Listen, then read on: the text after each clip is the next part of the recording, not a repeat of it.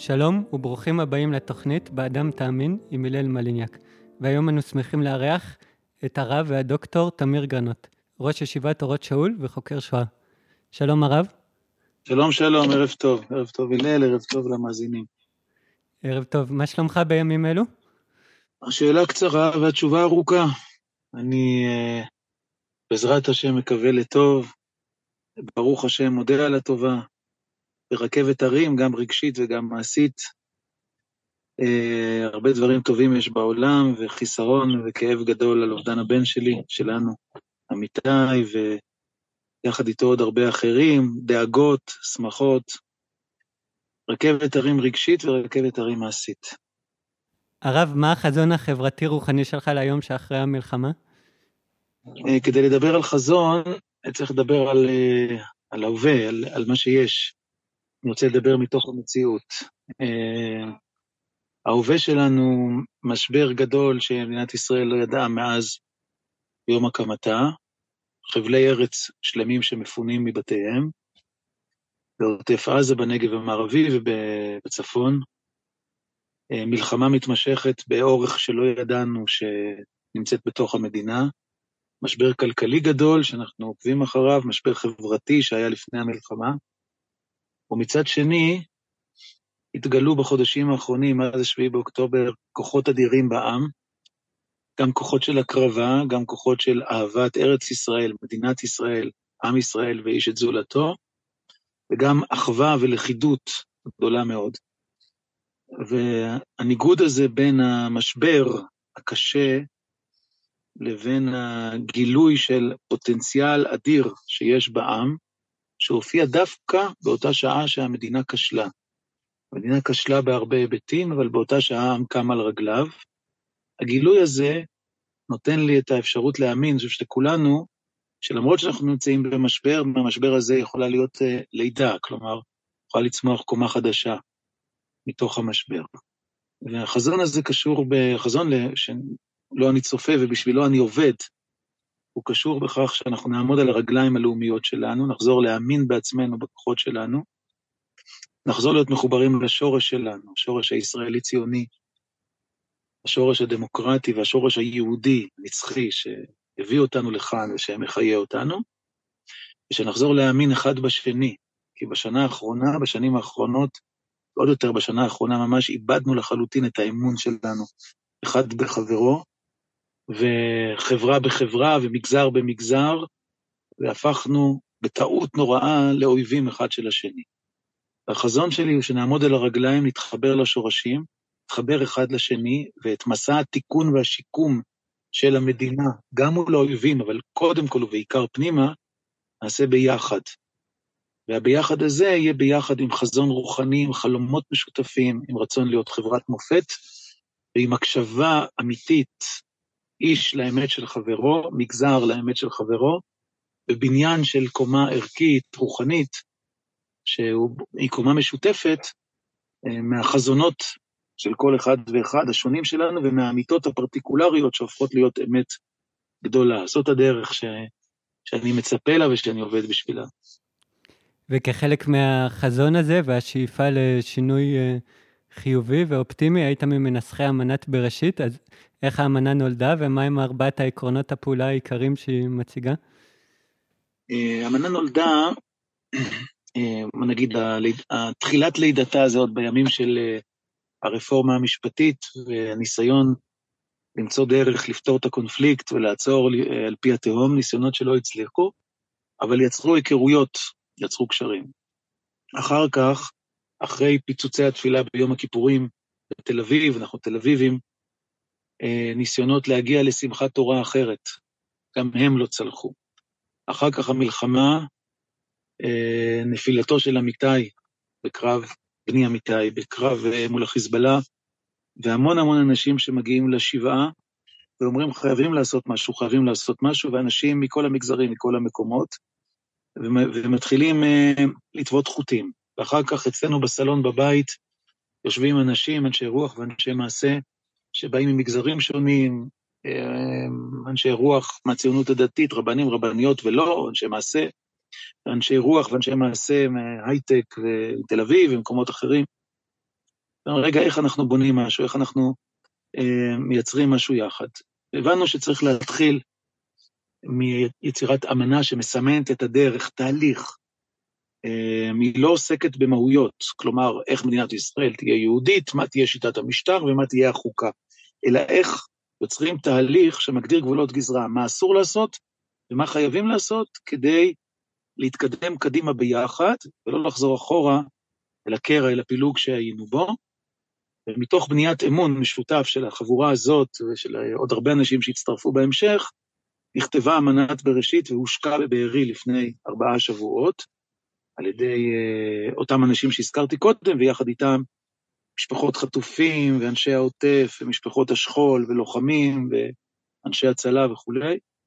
והיא אומרת שצריך ללכת בדרך התיקון ביחד על בסיס ארבעה עקרונות.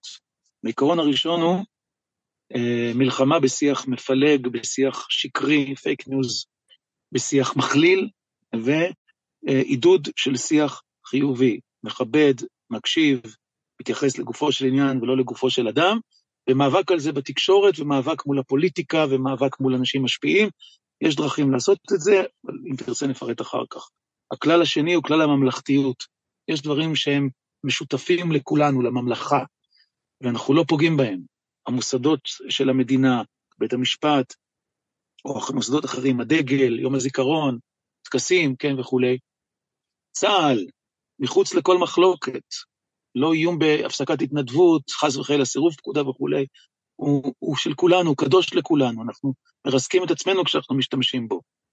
אה, סמלי הדת והיהדות, יום הכיפורים, תפילה, ספר תורה, הם שייכים לכולנו, הבסיס שלנו, הם לא חלק ממחלוקת, גם כשזה קשה, גם כשזה כואב, לא על גבי זה מנהלים מחלוקת. אפשר לנהל מחלוקת, אבל יש יסודות משותפים, זה העיקרון השני. העיקרון השלישי, המציאות, מה שקרה, וההכרח של הריפוי מחייבים את ההנהגה ללכת אל העם ולבקש אמון מחודש. מי ייבחר? מי צודק? צריך להחליט בבחירות.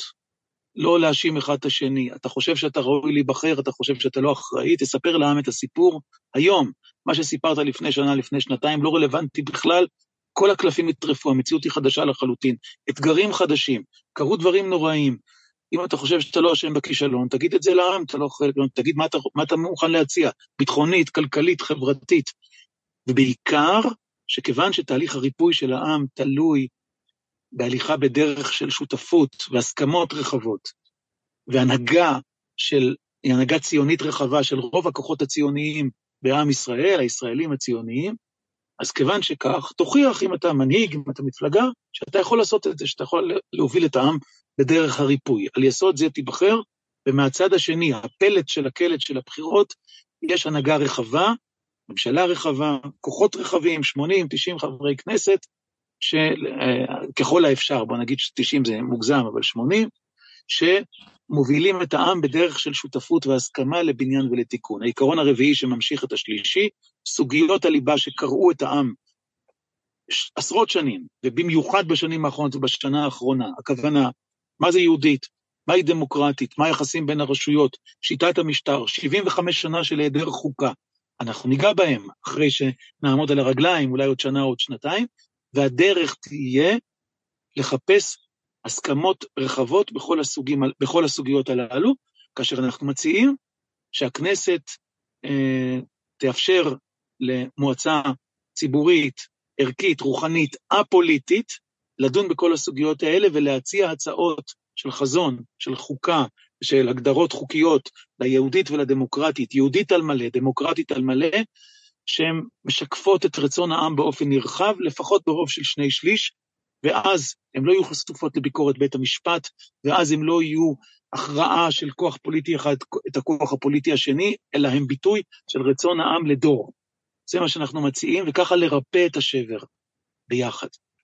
ואיך מתקבלת האמנה עד כה, איזה עניין היא מעוררת? האמנה מעוררת, אה, אני, אולי נתחיל ממשפט אחד קודם. עוד לא יצאנו לקמפיין תקשורתי נרחב, זה הולך לקרות בעוד שבוע.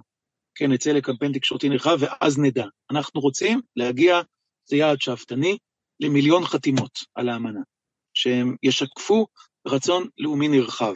אנחנו רוצים להגיע לכנסים ולהצהרות גדולות במקומות מרכזיים בארץ, שיבטאו את ההשתתפות מעשית של העם ברעיון של האמנה. בינתיים, כיוון שזה נעשה הכל ברקע, כלומר בשיחות וכולי, יש הרבה מאוד הסכמה על ידי ארגוני חברה אזרחית רחבים, אה, סטודנטים, מילואימניקים, תנועות נוער וכולי, הרבה מאוד הסכמה ורצון, אנשים משפיעים, להיות חלק מהסיפור. כבר היה כנס ארגונים גדול סביב האמנה, שארגונים הביעו את הסכמתם להיות חלק מה, מהאמנה, ואנחנו מצפים, ברגע שנצא לתקשורת באופן נרחב, בכל מיני כלים, שזה יתפוס הד ציבורי נרחב. מלמטה למעלה, התנועה העממית, התביעה, הדרישה לשנות את השיח בתקשורת, לשנות את השיח הפוליטי, ללכת לדרך של בחירות והסכמה רחבה אחריהם עם הנהגה רחבה, תפעל גם על הפוליטיקה ותשנה את השאלה, כן, את השאלות ש, שמועמדות שם, וגם את המבנה הפוליטי במשך, uh, בתוך שנה, שנתיים. הזכרת את הבן שלך, אמיתי צבי, זיכרונו לברכה, שנהרג במלחמה כתוצאה מפגיעת טיל נ"ט, אז אם תוכל לספר קצת על דמותו, וגם איך אתה מצליח להמשיך ועוד לנסח חזון חיובי לעתיד החברה אחרי אירוע כזה. אמיתי אה, כשמו, הוא אה, איש אמת, אבל אמת לא צעקנית, אלא אמת פנימית, אמת של דיוק, חוט שדרה מוסרי, חוט שדרה ערכי, אה, ילד, בחור ואיש בבגרותו ששואל כל הזמן, מה האמת שלי, מה הניגון המדויק שלי, אני אומר את זה בשפתו, ככה הוא, ככה הוא כתב, והוא פועל על פיו, ולא מעניין אותו מה, מה אנשים אומרים מסביב, ומה הם חושבים, כי זאת האמת שלי וככה אני עושה. ואם יש חברה שבה מדברים לא נכון, דיבור שלי, אני לא חלק מזה. וכשאני צריך לבחור את הדרך, לא משנה מה כל האנשים האחרים עושים. אני מאמין במשהו, אני עושה אותו. עדינות, אצילות, מוזיקליות, קול מדהים.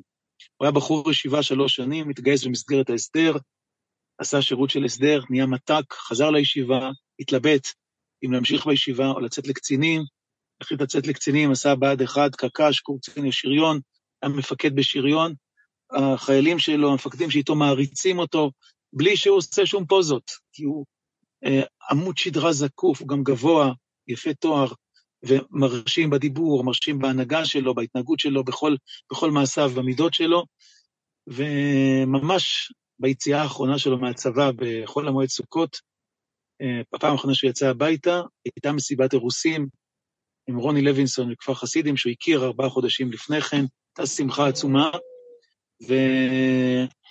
והוא יצא לה... ביום הרביעי של חול המועד סוכות, חזר לצבא, בתקווה שמתחתנים עוד מעט, אבל אז התחילה המלחמה, שבוע שלם של קרבות עם החיזבאללה, הוא חיסל כמה חוליות שניסו לחדור בשבוע הראשון של המלחמה, שני ג'יפים, עמדה, והקרב שבו הוא נהרג היה קרב של גבורה, שהתחיל בירי על מושב שתולה, שהרג פועל, והוא נכנס לתוך הקרב, עלה לעמדה, חשף את עצמו, חיסל חוליה, עלה עוד פעם לעמדה, חיסל את מה שנשאר מהחוליה או חוליה נוספת, זה לא ברור לצבא. הפעם השלישית, כשהוא החליט שהוא לא מוותר, והוא עולה עוד פעם לעמדה וחושף את עצמו כי הוא לא רצה שיהיה עוד איום על, על הגבול ועל, ועל המושב, נורה טיל למרחק של חמש קילומטרים, ולצערנו פגע בו והרג אותו. ואיך אתה מגייס כוחות עכשיו להמשיך? תראה, אה, כבר לפני כן אה, הבנו שהחברה צריכה תיקון וריפוי, והנוכחות שלנו, אני כראש ישיבה ובתל אביב, והקשרים מחייבים לעשות משהו.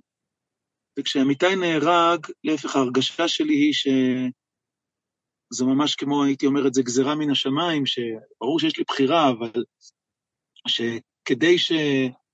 אה, שעמיתי נלחם בשבילו, לא יהיה ניצחון רגעי לזמן, ועוד פעם נחלש, ונסתכל אחורה ונגיד, עוד פעם האויבים שלנו אה, יילחמו בנו.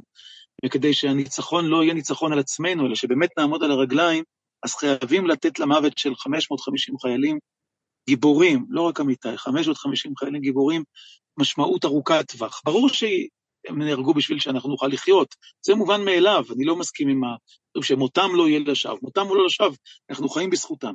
אבל כדי שהניצחון יהיה ניצחון ארוך, וכדי שהמשבר הזה יהפוך להיות משבר ש... שמוביל לתיקון, תיקון אמיתי, חייבים להילחם בשביל זה. ולכן אני מרגיש, אני בטוח בזה שאני נלחם את המלחמה שלו, של 500 חיילים אחרים, של תיקון החברה, של תיקון העם, של תיקון המדינה. וזה נותן לי המון כוח. ובעניין אחר, במספר שיחות שהתבטאת בישיבה, אז דיברת בעניין אה, סוגיית פדיון שבויים והשבת החטופים, אז קודם כל, אם תוכל להציג את עמדתך בקצרה. אה, אני, אני אומר כך, אני חושב שהניסוח של הממשלה העקבי, ככל שעומדים מאחוריו, שיש למלחמה שתי מטרות מקבילות ושצריך להשיג את שתיהן, הוא ניסוח אמיתי. כלומר, חייבים לנצח המלחמה, וניצחון משמעותו הכרעה.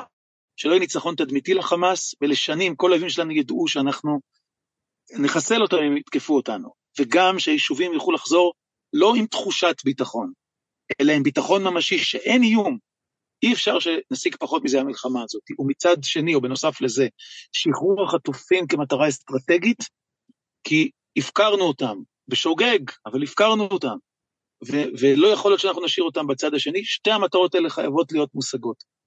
נכון, יש ביניהם מתח, אבל צריך לקיים את המתח הזה בסבלנות, עד שנשיג את שתי המטרות. אני רוצה לומר שמבחינת העיקרון, כמו שהייתה העסקה הקודמת, שהיא הייתה עסקה שלא נתנה לחמאס ניצחון, וגם לא הישג מורלי, היא נתנה להם הישג מעשי מסוים, אין ברירה בחילופי שבויים. והיא אפשרה לנו להילחם, עסקה מהסוג הזה היא עסקה שאפשר להגיע אליה. אמ, חילוץ של החטופים, כמו שהיה לפני יומיים, גם אם זה קשור בסכנה, חייבים לעשות אותו. עסקה שאסור שתתקבל, היא עסקה שתיתן להם ניצחון, כי זה איום קיומי על החיים של כולנו, זה, אה, זה אופן אחד.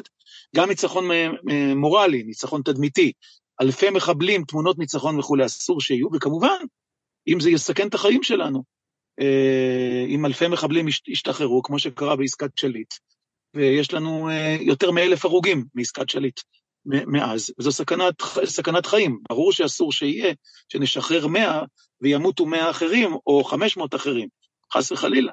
אבל אני חושב שאף אחד לא רוצה דבר כזה, גם משפחות החטופים לא רוצות שזה מה שיקרה. צריך למצוא את הדרך שזה לא יקרה. יש כל מיני רעיונות, זה שאלות טקטיות, לא צריך לדבר עליהן ברדיו, אבל כל רעיון שיאפשר עסקה גם אם היא קשורה בשחרור של אנשים, ברור ש... או שפעולה מלחמתית ולא בו, לא יהיה בו סיכון ממשי לחיים אחר כך ולא ניצחון לחמאס, הוא רעיון שצריך לקבל אותו. ובעניין החילוץ הצבאי, המשנה קובעת אין מבריחין את השבויים מפני תיקון העולם, ורבן שמעון בן גמליאל אומר מפני תקנת השבויים, והרמב"ם כתב את זה ש... משנה זו שאסור לחלט שבויים, כי אם היינו מבריחים אותם מאדוניהם הנשארים, הם יאסרו בכבלי ברזל ויוסיפו להם בעינויים. אז איך אתה מתמודד עם זה מבחינה תורנית, בהקשר של חילוץ צבאי? קודם כל, תודה על השאלה הלמדנית. זו שאלה יפה. אה, השבויים שחז"ל מדברים עליהם, היו שבויים בשביל ממון. כן? חטפו שבויים כדי למכור אותם כעבדים, כדי להשיג כסף על החילוץ. בשביל זה חטפו שבויים. אז באמת, כשזה נעשה באופן הזה, זה יכול לגרום את ההסלמה שדיברת עליה, את הכיוון הזה. במציאות שלנו זה בדיוק ההפך, וזה מה שחז"ל התכוונו. כלומר, אם אנחנו אה, נשלם מחיר גבוה על פדיון שבויים, נשחרר, אה, לא יודע, עשרה לאחד, או מאה לאחד, או אלף לאחד, כמו שהיה בשליט, אז הם יחטפו עוד. וזה יהיה כדאי להם. אם הם, למרות כל מה שאנחנו עושים, בסוף הם ישיגו ניצחון והחמאס יישאר במקום, חס וחלילה, כן? אז הם יחטפו עוד פעם, זה מה שסינואר רצה. להפך, כשאנחנו עושים מבצע, אנחנו מוכיחים להם שזה לא משתלם להם. כי הם uh, חוטפים, ואנחנו מראים שאנחנו חזקים, אנחנו מראים שאנחנו מוכנים להילחם, בדיוק כמו שאתה המדיניות של ממשלת ישראל תמיד, כמו שרבין הורה בימי הטבח במעלות, כן, שחטפו, או באנטבה, פרס, כן, באנטבה וכולי, בדיוק כמו שעשינו בעבר, והראינו שאנחנו לא נכנעים לטרור ואנחנו עושים הכל, כולל סיכון החיילים, נכון, אין ברירה, אבל זה מראה להם שזה לא כדאי להם, ולכן זה בדיוק מה שצריך לעשות לפי העיקרון היסודי של המשנה, שאנחנו מבינים שהסיטואציה המעשית היא הפוכה. תודה שהערת את העניין הזה, והאם אתה תומך בהסדר מדיני עם הפלסטינים?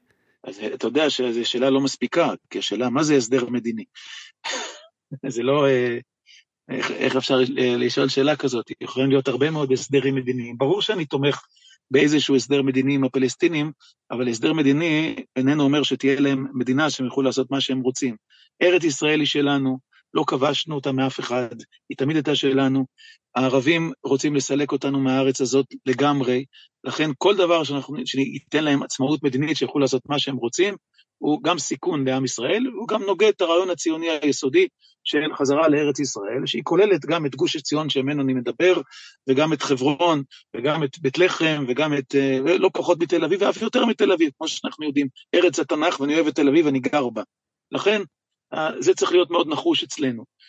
יחד עם זה, יש הרבה, יש מיליונים ערבים בארץ, וככל שהם יהיו מוכנים לקבל את השלטון הישראלי, מגיעות להם זכויות מלאות, וצריך אה, למצוא את מבנה הזכויות הזה, כבר בגין וסאדאת דיברו עליו, הרעיונות קיימים, פדרציות וכולי, שיוכלו לנהל בהם אה, ניהול עצמי, בלי מדינה, בלי ביטחון, תהיה להם אוטונומיה, מה שהם רוצים, כן, וכולי, בתוך המרחב שלהם, וכל מיני נפות כאלה וכולי, קנטונים דיברו פעם, הסדר מדיני כזה, הוא הסדר קביל, הוא מאפשר להם קיום סביר עם חירות פוליטית במידה, הוא לא מאיים עלינו, הוא לא נותן להם אפשרות ביטחוניות, הוא משאיר אותנו בארץ ישראל.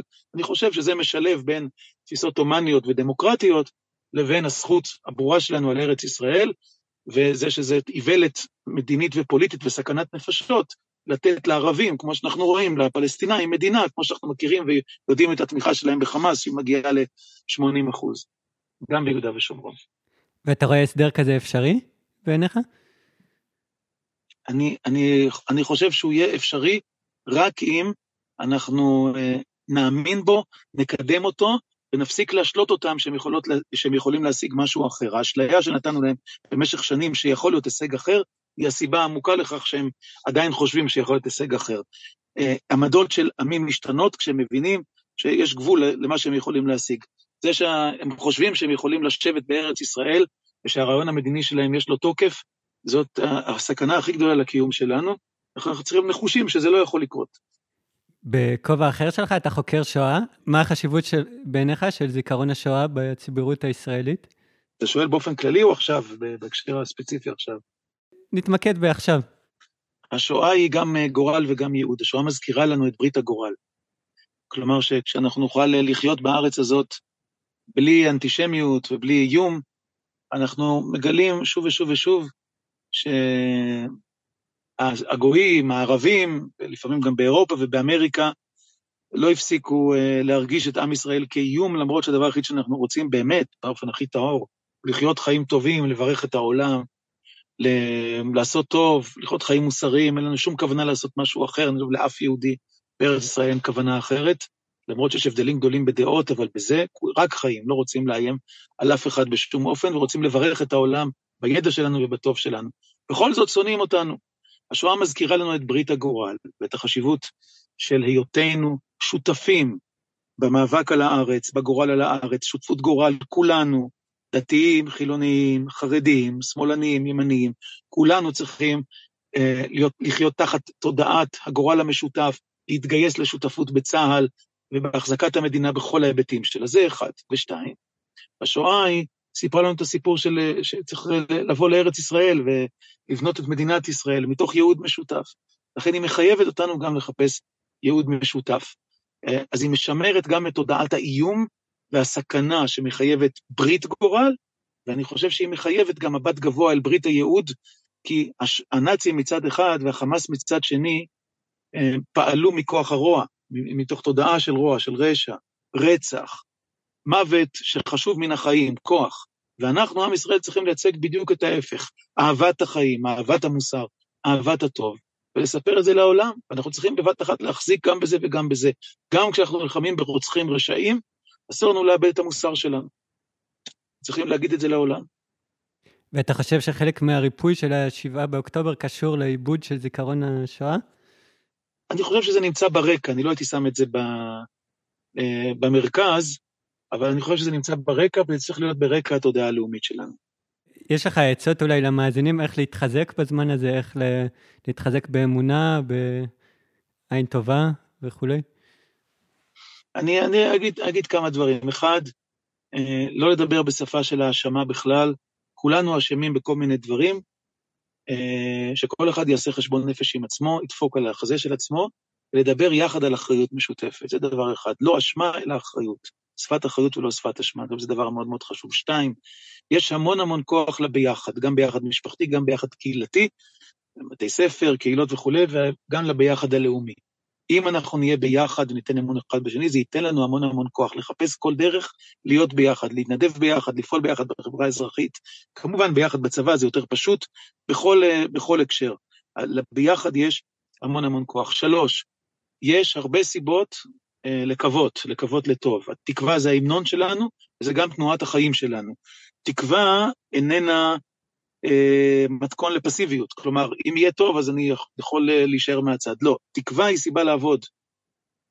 בואו נהיה מאמינים ומקווים בטוב, מאמינים בעצמנו, ונעבוד בשביל זה, כדי שהפוטנציאל הזה יתממש. יהודי חייב להיות אדם אופטימי, אין לו שום סיכוי אחרת. ייאוש הוא לא אה, שיטת עבודה, הוא לא תוכנת הפעלה של שום דבר.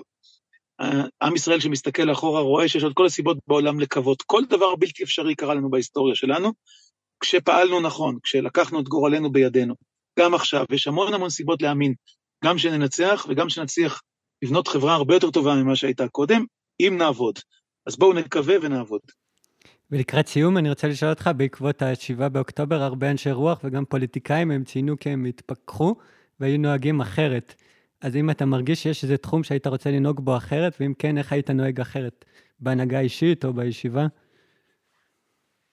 אני אה, אומר דבר אחד פשוט, שהוא אה, ברמה האישית שלי, שאני אה, נמנעתי לפני כן מלפעול באופן ציבורי, אמרתי, אני איש חינוך, רוח, אני עוסק בחינוך וברוח, וההנאה של מהלכים ציבוריים זה לא, זה לא המקום שלי, זה לא הנקודה שלי שאנשים אחרים יעשו. לא רציתי להסתבך עם זה, לא רציתי להיות במקום שבו יש התנגדויות וחוטפים וכולי, ואני חושב שטעיתי, וצריך לקחת אחריות, כולנו צריכים לקחת אחריות ולפעול גם כל אחד ביכולת שלו, בזירה שלו, אני לא אומר שכולם באותו מקום. אני קיבלתי על עצמי שככל שאפשר להניע תהליכים גם בזירה הציבורית, לאומית, חברתית, יש אפשרות להשפיע עליהם, אז אני אשתדל בעזרת השם להשפיע עליהם ככל יכולתי, זה לא, לא הכל תלוי בי, לא הכל בשליטתנו, לא הכל בשליטתי, אבל מה שאני יכול לעשות אני אעשה, זה ה... זאת ההבנה האישית שלי. אני לא, אף פעם לא חשבתי שמי שמפגין בקפלן הוא שונא או אויב, ידעתי שגם הייתה לי התנגדות רבה לדברים שנעשו שם אה, מצידי, ובטח דברים שנעשו ביום כיפור, שהיו נוראים ואיומים, אבל אני יודע שאנשים שעשו את זה הם פטריוטים, אנשים שאוהבים וכולי, וחרדה גרמה להם לעשות את זה, או פטריוטיות, המחשבה שהם מגינים על המדינה וכולי, לפעמים טעו בדרך, אבל אנשים טובים ואמיתיים, אהבתי אותם גם קודם, אני אוהב אותם גם עכשיו, אני מקווה שגם ההפך. ולסיום, אז מה נותן לך אופטימיות שבאמת נצא מחוזקים ומאוחדים מה-7 באוקטובר ושנזכה לראות ימים טובים? זה שאני מדבר עם המון המון אנשים, ועובד איתם, והם מרגישים כמוני ועובדים יחד איתי. וכשאני אומר את זה, המון אנשים מצטרפים. אז אני רואה שאני לא לבד, וביחד הרבה אנשים מקווים ופועלים בשביל הטוב, יצליחו לעשות טוב, בזה אני בטוח. המשמעות הבסיסית של אמונה זה שסוף הטוב לנצח את הרע הם עובדים בשבילו בעיניי. זה בתמצית האמונה. אני מאמין. אז בנימה אופטימית זאת, תודה כן. רבה לך על השיחה הזאת, הרב גרנות. תודה רבה לך, בשורות טובות, ישועות ונחמות, תפילה על חיילי צה"ל שיחזרו בשלום, תפילה על החטופים שיחזרו במהרה, בקרוב ממש, בשלום לביתם ולחיק משפחותיהם, אמן. אמן, תודה. תודה לך, כל טוב.